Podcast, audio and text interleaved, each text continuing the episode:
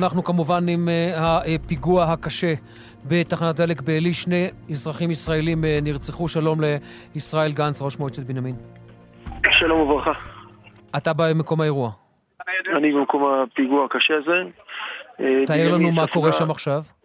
בנימין ספגה בדקות האחרונות עוד מכה קשה, שניים מבנינו נפלו כאן בתחנת הדלק, מחבל מגיע לתחנת הדלק ובעצם פותח באש לעבר רכב שאחד מהאנשים יצא לתדלק, שני הרוגים, שניים נהרגים במקום.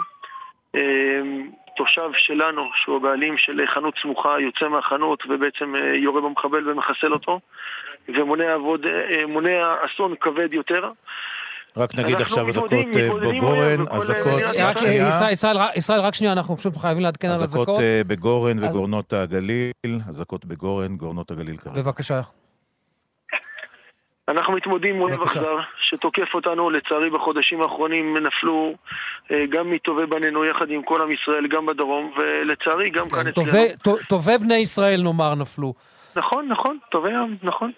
ואנחנו, מה שחשוב להבין בעיניי, שזה אותו, אותו אויב, אותו אויב שבסקרים שנעשים פה, 50 ו-86 אחוזים מהאנשים פה תומכים בחמאס בעזה, ומנסים לעשות את זה כאן ובתוך מדינת ישראל, ואנחנו צריכים להשתמש... ישראל, בואו רק רגע, אנחנו, אנחנו, אנחנו, פיגוע שעדיין, לפי התמונות לפחות, אנחנו רואים שעדיין הנפגעים, ההרוגים עדיין בזירה. בואו רק רגע ננסה רגע להבין, אתה, אתה נמצא שם בזירה.